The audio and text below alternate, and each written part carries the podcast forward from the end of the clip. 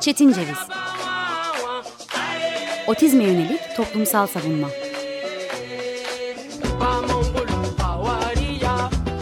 Hazırlayan ve sunan Deniz Yazgan Zorlu Holding Sürdürülebilirlik Platformu Akıllı Hayat 2030, herkes için daha yaşanabilir bir dünya diler. Merhabalar, Açık Radyo dinliyorsunuz. Açık Radyo'nun ve bendenizin doğum yılına da tekabül eden 95.0 frekansına geçiş aşamasında Açık Radyo'ya bu sayının ve böylece kain kainata da uğur getireceğini dileyerek Çetin Ceviz'e başlayalım. Ben Deniz Yazgan, bugün 23 Eylül 2020 Çarşamba. Seri içindeki seri, otizm politikaları ve aktivizmin son programında birlikteyiz. Eksik değil, farklı olarak tanıtıla gelen otizmde farklı değil eksik politikalarla birlikte günün ve güncelin sorunlarını tartıştığımız bu serimizi tamamlarken Eskişehir Gelişim Vakfı üyeleri, erken müdahale uzmanı Merve Tuna ve vakıf üyesi Seval Yılmaz Avşar aramızda. Hoş geldiniz. Ee, uzaktan, Hoş. uzaktan bağlanmanın bir güzel yanı varsa bence o da serimiz boyunca farklı illerden uzmanlarımızla, e, yolu farklılıkla kesişenlerle buluşabilmek oldu. Bugün de zamanınızı Açık Radyo'nun sanal semalarına Çetin Ceviz ayırdığınız için çok teşekkür ederim. Ee, biz, biz teşekkür, teşekkür ederiz. ederiz. Ee, aslında bizler de karantina döneminde e, sanal pencerelerin sosyal medyanın gücüyle tanışmıştık Merve Hanım'la ilk başta ve sonra Sevel Hanım'la. E, bu tanışıklığımız Ce- Ceviz Otizm ve e, Eskişehir Gelişim Vakfı'nın birbirinin farkına varmasına neden olmuştu. E, dilerseniz ilk önce Eskişehir Gelişim Vakfı, kısaca EGEV'den söz edeyim. Yanlışım eksiğim olursa siz beni düzeltin. E, EGEV 1994 yılında kurulmuş bir vakıf. Kuruluş amacı Eskişehir'in sosyal, ekonomik ve kültürel gelişimine katkıda bulunmak. E, 2019 yılında çoğunluğu kadınlardan oluşan bir grubun EGEV'i tekrar aktif hale getirmesiyle birlikte e, EGEV'de kapsayıcı toplumu hedefleyen çalışmalar yürütülüyor. E, kapsayıcı toplum hedefine erişmek için yapılan faaliyetlerin arasında şiddetsiz şiir hareketi, ebeveyn okulu, e, bedenle farkındalık atölyeleri, kapsayıcı çözümler gibi projeler, proje temelli çalışmalar yer alıyor. E, üyelerinin uzmanlık alanlarına göre geniş bir yelpazede çalışma alanları var. Ancak aslına bakarsak herkesin, hepsinin derdi kapsayıcılık. E, Merve Hanım ve Seval Hanım da farklı nedenler ve sonuçlarla bu ortak dertte buluşmuş durumdalar. Merve Hanım'ın erken müdahale alanındaki uzmanlığı, Seval Hanım'ın ise Down sendromlu kardeşiyle yürüdüğü yaşam yolu faydalı bir projeyi doğurmuş diyebiliriz belki de. Ee, Merve Hanım ve Seval Hanım bugün bize kapsamlı erken müdahale politikalarında ailelerin rolünden ve bu anlamda geliştirdikleri projelerinden bahsedecekler. Çünkü değerli Merve Hanım ve Seval Hanım konu hakkında ne yapılabilir diye düşünürken teorik altyapı ve pratik bilgiyi birleştirmiş ve ürettikleri çözümü projelendirmişler. Bu şekilde KOZA ebeveynden ebeveyne destek programını geliştirmeye başlamışlar. Ee, benim için çok uzun ve adeta bir fragman niteliğinde bir giriş oldu bu. Bu girişim için sizden özür dilerim. Ee, dilerseniz mikrofonu ilk soruma size devredeyim ben. Ee, Projenizden daha detaylıca bahsetmenizi rica edebilir miyim? Eksiklerim mutlaka vardır. Ben küçük bir giriş, benim için büyük bir olsa da küçük bir yapmış oldum. E, projenizin hikayesini, motivasyonunuzu öğrenebilir miyiz? E, ben başlayayım mı Seval? Öyle yapalım. Tabii Şu anda ki. birbirimizi görmediğimiz bir ortamda söz alırken de bir karışıklık olabilir. E, Deniz e, çok güzel anlattın aslında. Hani hanımları ortadan kaldıralım. Ben Merve olarak dahil olmak istiyorum sürece. Sana da ben Deniz de diyeceğim. Ee, şimdi şöyle e, e, gerçekten güzel bir özet yaptın. E, bunun üzerine ne diyebilirim bilemiyorum ama bizim sürecimiz gerçekten de işte benim teorik altyapımla Seval'in e, pratik yaşamdaki gördüğü sorunların bir araya gelip e, bir çözüm arayışına dönüşmesi süreci. E, ben e, zihin engelliler öğretmenliğinde doktora programındayım ama yüksek lisans e, sürecim erken çocuklukta özel eğitimde olduğu için genel olarak temelde hep çalıştığım alan erken müdahale, erken çocukluk alanı oldu. E, bu kısımda aslında tamamen e, hani e, tabii ki de özel gereksinimli bireyleri birey olarak alıyoruz ama erken dönemde onlar yerine aileler karar verici durumda. ailelerin e, bu süreci nasıl ele aldığı önemli bir nokta olarak karşımıza çıkıyor. E, ama bununla ilgili yeterli bilgi, işte destek ağı ya da işte sosyal duygusal desteğin sağlanması gibi konular gerçekten e, çok e, vahim durumdayız yani bu konuda.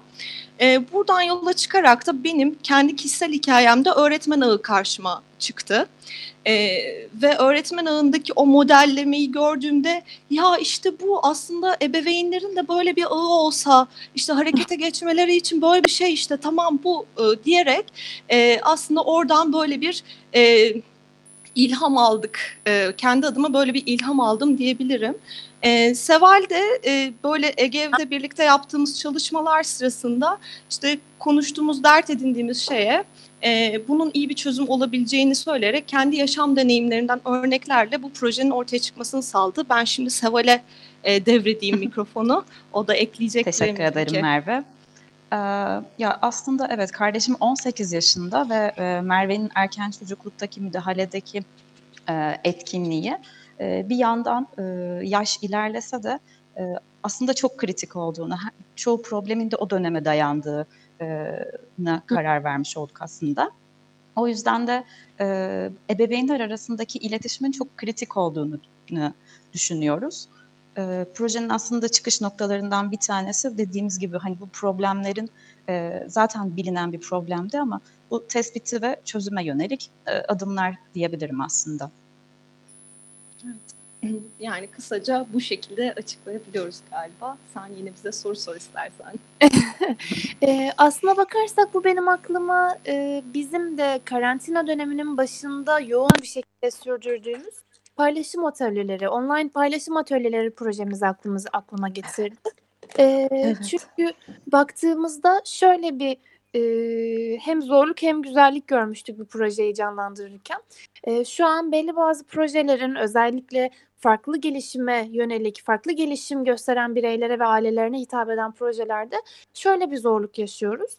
Okulların kademeli olarak açılması ve e, yalnızca birinci sınıftaki e, birinci sınıfa kaydolmuş otizmli bireylerin ya da farklı bireylerin okula gitmesi nedeniyle e, ailelerin çoğu, anne babaların, ebeveynlerin çoğu projeye e, zaman ayıramayacaklarını, örneğin o günkü hmm.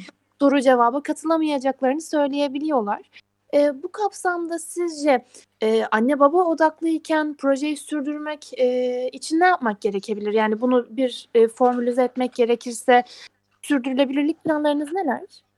Harika. Bu arada anlattığın şeyi de eklemek lazım. Seninle bu pandeminin başında ceviz otizmle karşılaştığımda ben de online ücretsiz aile eğitimleri yapıyordum ve sen de paylaşım atölyeleri yapıyordun. Ben de o gruba dahil olmuştum ve evet. sana demiştim işte bu konuyla çalışmak benim de çok ilgimi çeken bir şey içinde olmak istiyorum diye. Projenin de bu anlamda da bir etkin var. Bunu da buraya not düşelim. Söylediğin şeye çok katılıyorum. Aile iş işin içerisinde olunca e, birçok yükü ve sorumluluğun altında bir de ekstra bir zaman harcamak gibi e, bir noktaya evrilebiliyor bu. E, bu nedenle zaten e, bir e, internet sitesi üzerinden aslında e, online buluşmaların yapıldığı ama bir programın olduğu yani ilk 6 hafta, 6 haftalık ya da 8 haftalık bir programla yeni tanı almış bir ebeveynin daha deneyimli bir ebeveyn tarafından yol gösterildiği bir süreç olarak e, değerlendiriyoruz. Yani böyle kısıtlı süreyle e, ihtiyaç duyulduğu anda orada bir desteğin olması ve sonra geri çekilmesi sürekli sürdürülebilir bir e, devamlılığın olmaması ama yeni farklı kişiler katılarak e, bu destek ağının e, canlı tutulmasından yana bir yol izlemeyi planlıyoruz. Bir de tabii bu proje şu anda sadece erken çocukluk dönemini kapsıyor. Ama biz biliyoruz ki işte farklı bir birey dünyaya geldiğinde ya da tanı aldığında o ailenin içerisindeki bütün sistemin etkilendiğini biliyoruz. Hı hı. E, bu anlamda kardeşler de e, bu burada bir e, e, yani siz ikiniz de daha iyi aslında bunu ifade edersiniz. E, kardeşlerin de rol ve sorumlulukları açısından ya da yaşadıkları güçlüklerle ilgili desteklere ihtiyacı olabiliyor. Ya da birçok ailenin biliyoruz ki büyük annesi, büyük babası e, bakım veren pozisyonda olabiliyor. E, yaşamda e, rol ediniyorlar bu anlamda. E, onların katılımını sağlayacak e, yeni programların hazırlanması ve tüm geçiş dönemlerine ilişkin yani hastaneden eve geçerken işte evden e, okul öncesi kurumuna başlarken ya da işte ilkokula başlarken bu geçiş dönemlerinde ha, e, bazı desteklere ihtiyacımız var. Yani yeniden hukuksal haklarla ilgili değişen şeyler oluyor. Yeni bir kurumla tanışmak durumunda oluyor. Hem çocuğun hem ailenin e, çeşitli e, bilgiye ve sosyal duygusal desteğe ihtiyaç olduğu anlar oluyor. Bu kritik anlara öncelikle biz eğilmeyi hedefliyoruz. Bu da tabii e, katılımcıların sürekli devam etmesini değil ama belli bir süreyle belli modülleri tamamlamak, o desteğe ihtiyaç duyduğunda o modülleri tamamlamak üzerinden sisteme dahil olmasını e, kapsıyor. Bu anlamda hani e, sürekli devam etmek gibi bir şeyin e, söz konusu olmadığı ama dönemsel ihtiyaçların karşılandığı bir platform olmasını hayal ediyoruz. E, bu bilmiyorum tam olarak karşıladı mı cevabı. Ee, ama onun Evet. dışında bir de evet Seval sen mi söyleyecektin bir Pardon, bitirdin sandım. Ee, bir ufak bir araya girmek istiyorum. Aslında hani projemiz Koza, burada bir metaforla biz tırtıl ve kelebek olarak e, iki ayrı e, tanımlama yapmış olduk. E, ondan biraz bahsetmek istiyorum aslında. İlk etapta e, kelebek ebeveynleri e, eğittikten sonra aslında bu sürdürülebilirlikte ilk etapta e, Deniz Hanım sorunuzu şöyle algılamıştım. Hani e, çocuklar ilk etapta uyuduktan sonra işte aileler e, internete ulaşmaya e, sağladıklarında e, daha sonrasında aslında o eğitimi al, alıp e, tırtıl ebeveynleri e, kozalarını geliştirip daha sonrasında uçabilecekleri bir kelebeğe dönüştürmek gibi bir e, metafor var. E, sürdürülebilirliği de aslında bu kelebekler e, arttıkça e, sağlayabilmiş olacağız diye ekleyebilirim. Evet. Hı hı. Kesinlikle.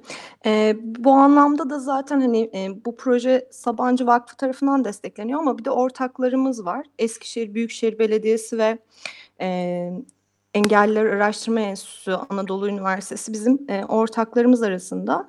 E, bu sürdürülebilirliğin yani tabii ki de burada şu anda radyoda da bunu anlatarak e, daha çok kişiye ulaşmayı hedefliyoruz ama bir yandan da e, Eskişehir'de böyle bir model oluşturmayı hedefliyoruz. Yani yeni tanı alan ebeveynler Engelliler Araştırma Enstitüsü'ne geldiklerinde e, oradan e, belediyenin e, koza noktalarına yönlendirerek onları oradaki deneyimli kelebek ebeveynlerin yeni tırtıl olarak gelmiş ebeveynlere ihtiyacı olan programı sunması ve sürekli bu e, sürdürülebilirliğin bu şekilde sağlanmasını hayal ediyoruz.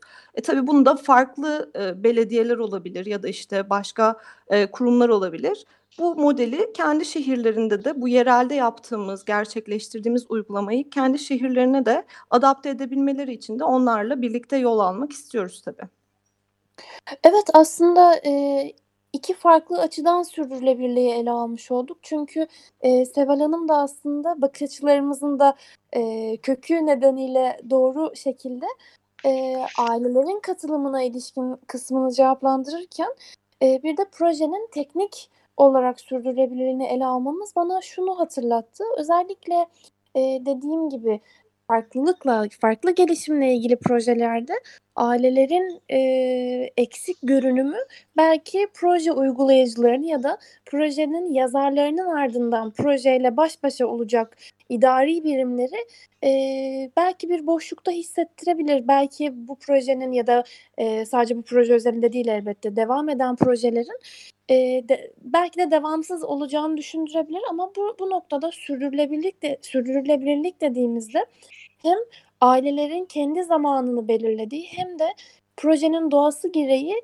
e, o dişlinin içerisine dilediği zaman girip dilediği zaman çıkabileceği ve aslına bakarsak geri dönebileceği bir sistem yaratmak böylece e, faydalı da olacaktır diye düşünüyorum. Evet, Çünkü... e, evet pardon böldüm sözünü. O esnekliği biz e, yaratmayı hedefliyoruz. Çünkü gerçekten e, yaşamın farklı sıkıntılar içerisinde sürekli aktif bir e, katılımı e, sağlamanın gerçekten güç olduğunu ama bir ihtiyaç evet. olduğunda da bunu sağlayacak bir alanın olmasının önemli olduğunu düşünüyoruz.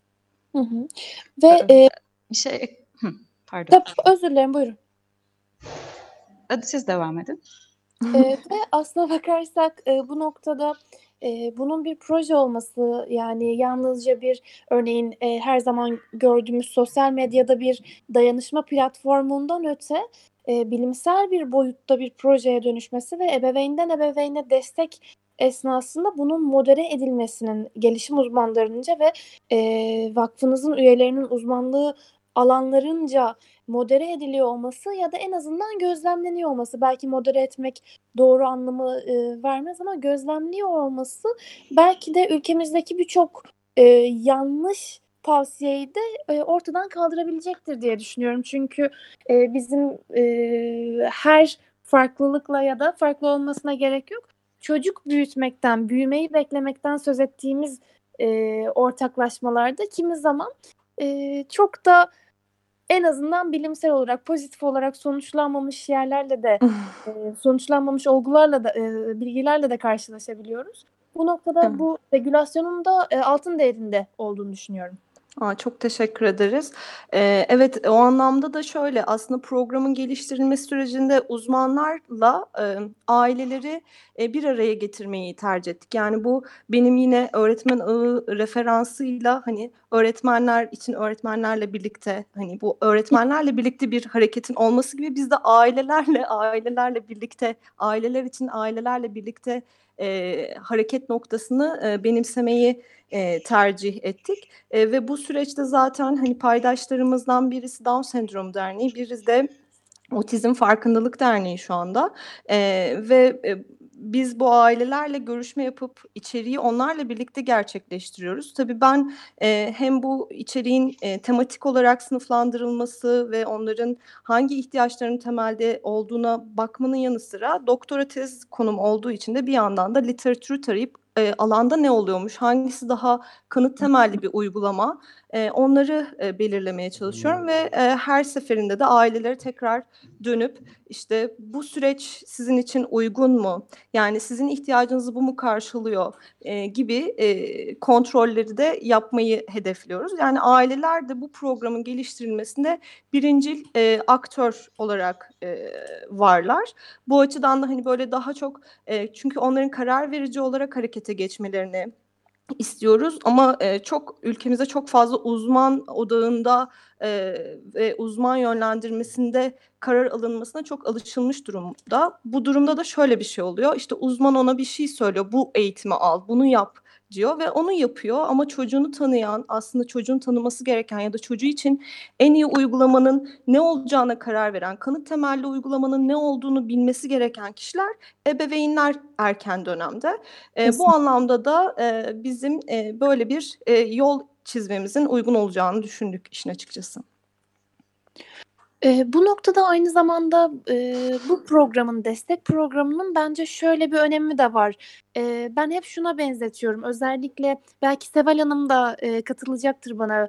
Eee, bir kardeşle, eee, tam olarak bakımından direkt olarak sorumlu olmadığımız bir insanın farklılığıyla, farklılıkla, farklı kelimesiyle tanıştığımızda bence bunun, eee, sindirim süreci oluyor. Bilginin sindirimi, beyindeki ATP'lerce belki de e, yakılması diye adlandırabileceğimiz süreçte e, uzman ebeveyn ya da uzman kardeş, aile iletişiminde dediğim gibi belli bazı bilgi hazımsızlıkları da olabiliyor. E, hayatında bu kelimelerle karşılaşmamış ya da karşılaşsa bile bir gazete haberiyle, komşunun çocuğuyla, e, ikincil, üçüncül aracılıklarla karşılaşmış insanlara bir anda terim anlamlarla e, çıktığımızda karşılarına Belki de böyle bir hazımsızlık ve biraz kafa karışıklığı yaşayabiliyoruz. Bence bu programın en önemli yanında bilginin beraberce sindirilmesi ve artık kişinin e, kendiliğinden, kişinin iyiliğinden gelen bir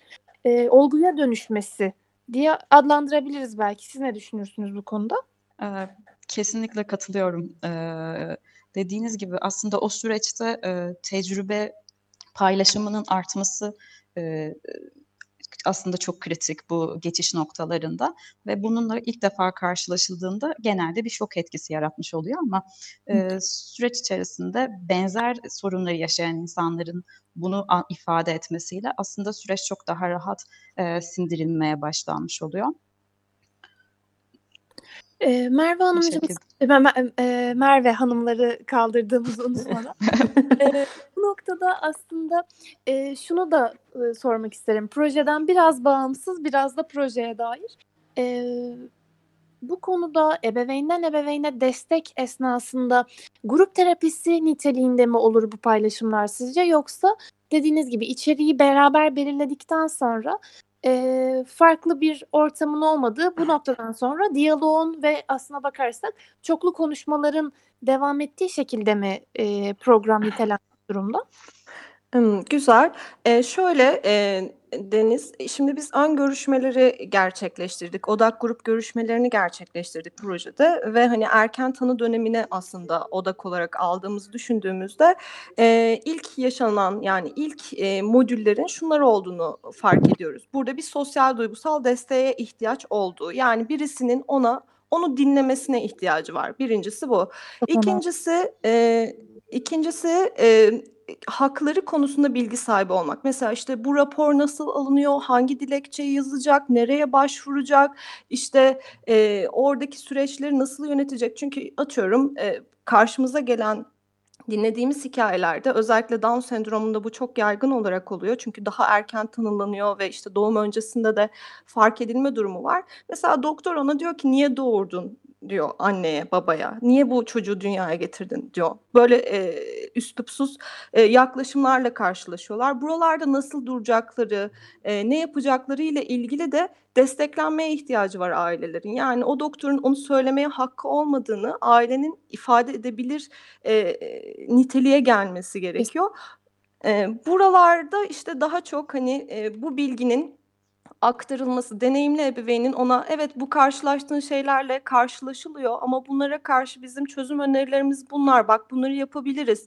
Ee, sana bu konuda ben e, birkaç tane işte alternatif yol göstereyim. Bu yollar da tabii yine o deneyimli ebeveynlerin bizimle paylaştıkları deneyimlerden yola çıkarak bir program haline dönüşecek. Ee, bu, bu yüzden hani kendi problemlerini de kendi ortaya koyan ama çözüm önerilerini de kendi geliştiren e, bir bilgiyi biz topluyoruz. Yani zaten o problemler hep oradaydı. O çözümleri bulan ebeveynler hep vardı. Biz bu problemlerle çözümleri eşleştirip onları aslında rafine bir e, bilgiyi sunup işte onları e, onların birbirleri arasında bu bilgi aktarımını sağlamalarını e, desteklemiş oluyoruz. Yani bu hani, bilimsel kısmı bu aslında. Onun dışında e, ne diyebilirim? E, bu şekilde diyeyim. Şu anda toparlayamadım. Sen al, al. Çok alışkın değilim. E, benim e, hayalim şudur. Bu proje kapsamında bizim aylar önce de yaptığımız otizm dilleri projesi, e, otizm dilleri programında e, söylediklerim bir anda kendi kulağıma geri döndü. E, bu bilgiyi bir bakıma kümülatif hale getirmek, birikebilen bir yerde tutmak, e, kimi evet. zaman bir yuvarlak masada, kimi zaman online bir toplantıda, kimi zamansa artık yerleşmiş bir şekilde projenin devamını, daha demin konuştuğumuz sürdürülebilirliğini sağladıktan sonra benim idilim otizm kapsamında aslında şudur. Ebeveynden ebeveyne destek programının sonrasında bir, bir bakıma beraber büyümüş farklı gelişen bireylerin birbirine destek olabildikleri bir e, programa evrilmesi belki 3 yıl sonra, belki 5 yıl sonra, belki biraz daha sonra e, insan yaşamı için 10 yıl çok bir şey değil. E, en azından dünya için değil. E, tabii bu e, dünyayı kurtarmak değilse. e, bu, bu kapsamda 10 yıllar gibi zamanlarda bu projelerin e, belki pilot illerden tüm illere, tüm coğrafyaya e, dağılarak farklı gelişen bireylerin birbirine destek olduğu döneme belki de dönüşebilir diye düşünüyorum. Çünkü evet. bana göre e, özür dilerim sözünüzü kestim sanırım. Yok hayır devam et lütfen. Ee, çok heyecanlanıyorum böyle şeyleri duyunca çünkü bizim hayal ettiğimiz şeyleri sen evet. şu an dile döküyorsun. konuştuğumuz evet konuştuğumuz şeyleri demek yani zaten aklın yolu da e, bir gibi bu anlamda bazı şeyler var öyle görünüyor yol zaten oraya çıkıyor.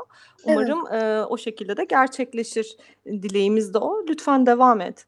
Eee, çünkü aslına bakarsak paylaşımın da, eee, ebeveynden ebeveyne desteğin de kodifikasyonu, kodlanma şekli otizmi, farklılığı, kimi zaman da toplumca eksik ya da ayıp görülenin açık açık konuşulabilmesi, açık açık paylaşılabilmesi. Evet.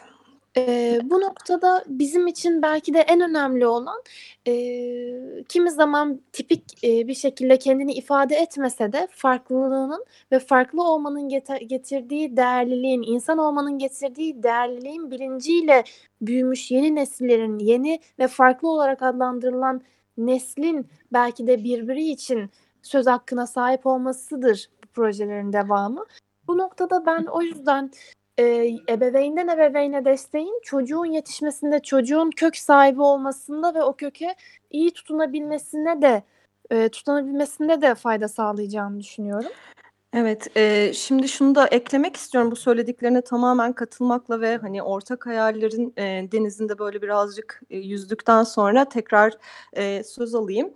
Eee, şimdi bir yandan da bu birey olma yani özel gereksinimli bireylerin ya da farklı bireylerin birbirlerine destek oldukları, bir ağ kurdukları, yetişkin birey yetişkinlik hayatına geçtikleri döneme gelebilmemiz için erken çocukluk dönemindeki o evde zaten onun özel bir birey olduğunun kabulünün anlaşılması da gerekiyor. Seninle bir konuşmamızda şeyden bahsetmiştin işte e, bu Instagram'da, Facebook'ta ailelerin rahatlıkla çocuklarını paylaşma e, ve hani kendilerinin bir parçasıymışçasına özel hayatlarına girdiğinin ya da benim kendi deneyimlerim açısından işte onu yediren, besleyen, doyuran olma haliyle çocuğun bağımsız olmasını, erken çocukluk dönemini kastediyorum, engelleyen, e, sürekli onu muhtaç pozisyonuna e, soktuğunun farkında olma, olmayan ve bunun sevgi olduğunu düşünen ebeveynler var. Bu anlamda da bu projenin hani e, daha erken çocukluk döneminden itibaren e, birey olma, var olma, özel olma hallerini de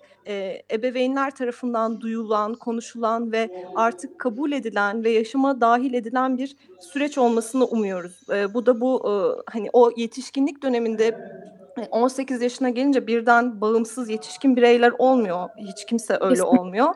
Ee, erken çocukluk döneminden itibaren bu farkındalıkla artık hareket edilmesi gerekiyor. Bir de hani erken çocukluk dönemi şöyle bir dönem.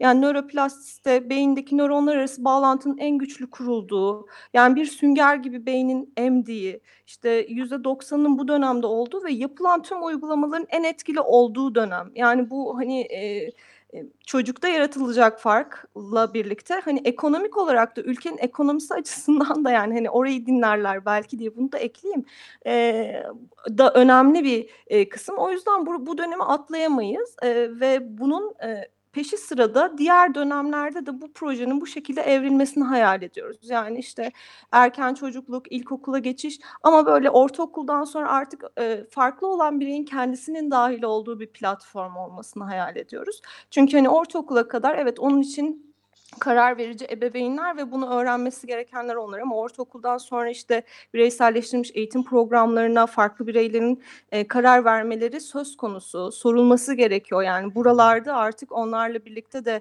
e, özellikle çalışılabilir. E, özellikle işte self determination açısından e, yani özellik becerileri açısından da bu dönemleri kesinlikle atlamamamız gerekiyor gerçekten. Evet. Eee, belki de bu seri içindeki serinin son programı yeni bir seri doğurdu bizler için. Eee, gelişimi, doğuştan ya da gelişim sürecinde oluştan gelen farklı ilişkin çalışmaları sürdürülebilir şekilde projelendiren eee, değerli sivil toplumcularla bir seri yapmanın zamanıdır bence. Eee, sevgili Merve ve Seval çok çok teşekkür ederim. Eee, güzel adımlarınızın bir parçası olmak çok mutluluk verici. Biz teşekkür ederiz Deniz, teşekkür ederiz. alan açtığın için. Teşekkür ederim. Eee, evet, Çetin Ceviz'de bu hafta iki konuğumuz vardı. Merve Tuna ve Sevil Yılmaz Afşar. Koza, ebeveynden ebeveyne destek programını anlattı bizlere ve gelişimi konuştuk. İki hafta sonra yeni bir Çetin Ceviz'de buluşmak dileğiyle. Hoşçakalınız. Çetin Ceviz Otizme yönelik toplumsal savunma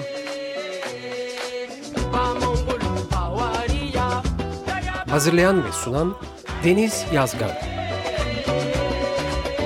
Zorlu Holding Sürdürülebilirlik Platformu Akıllı Hayat 2030 sundu.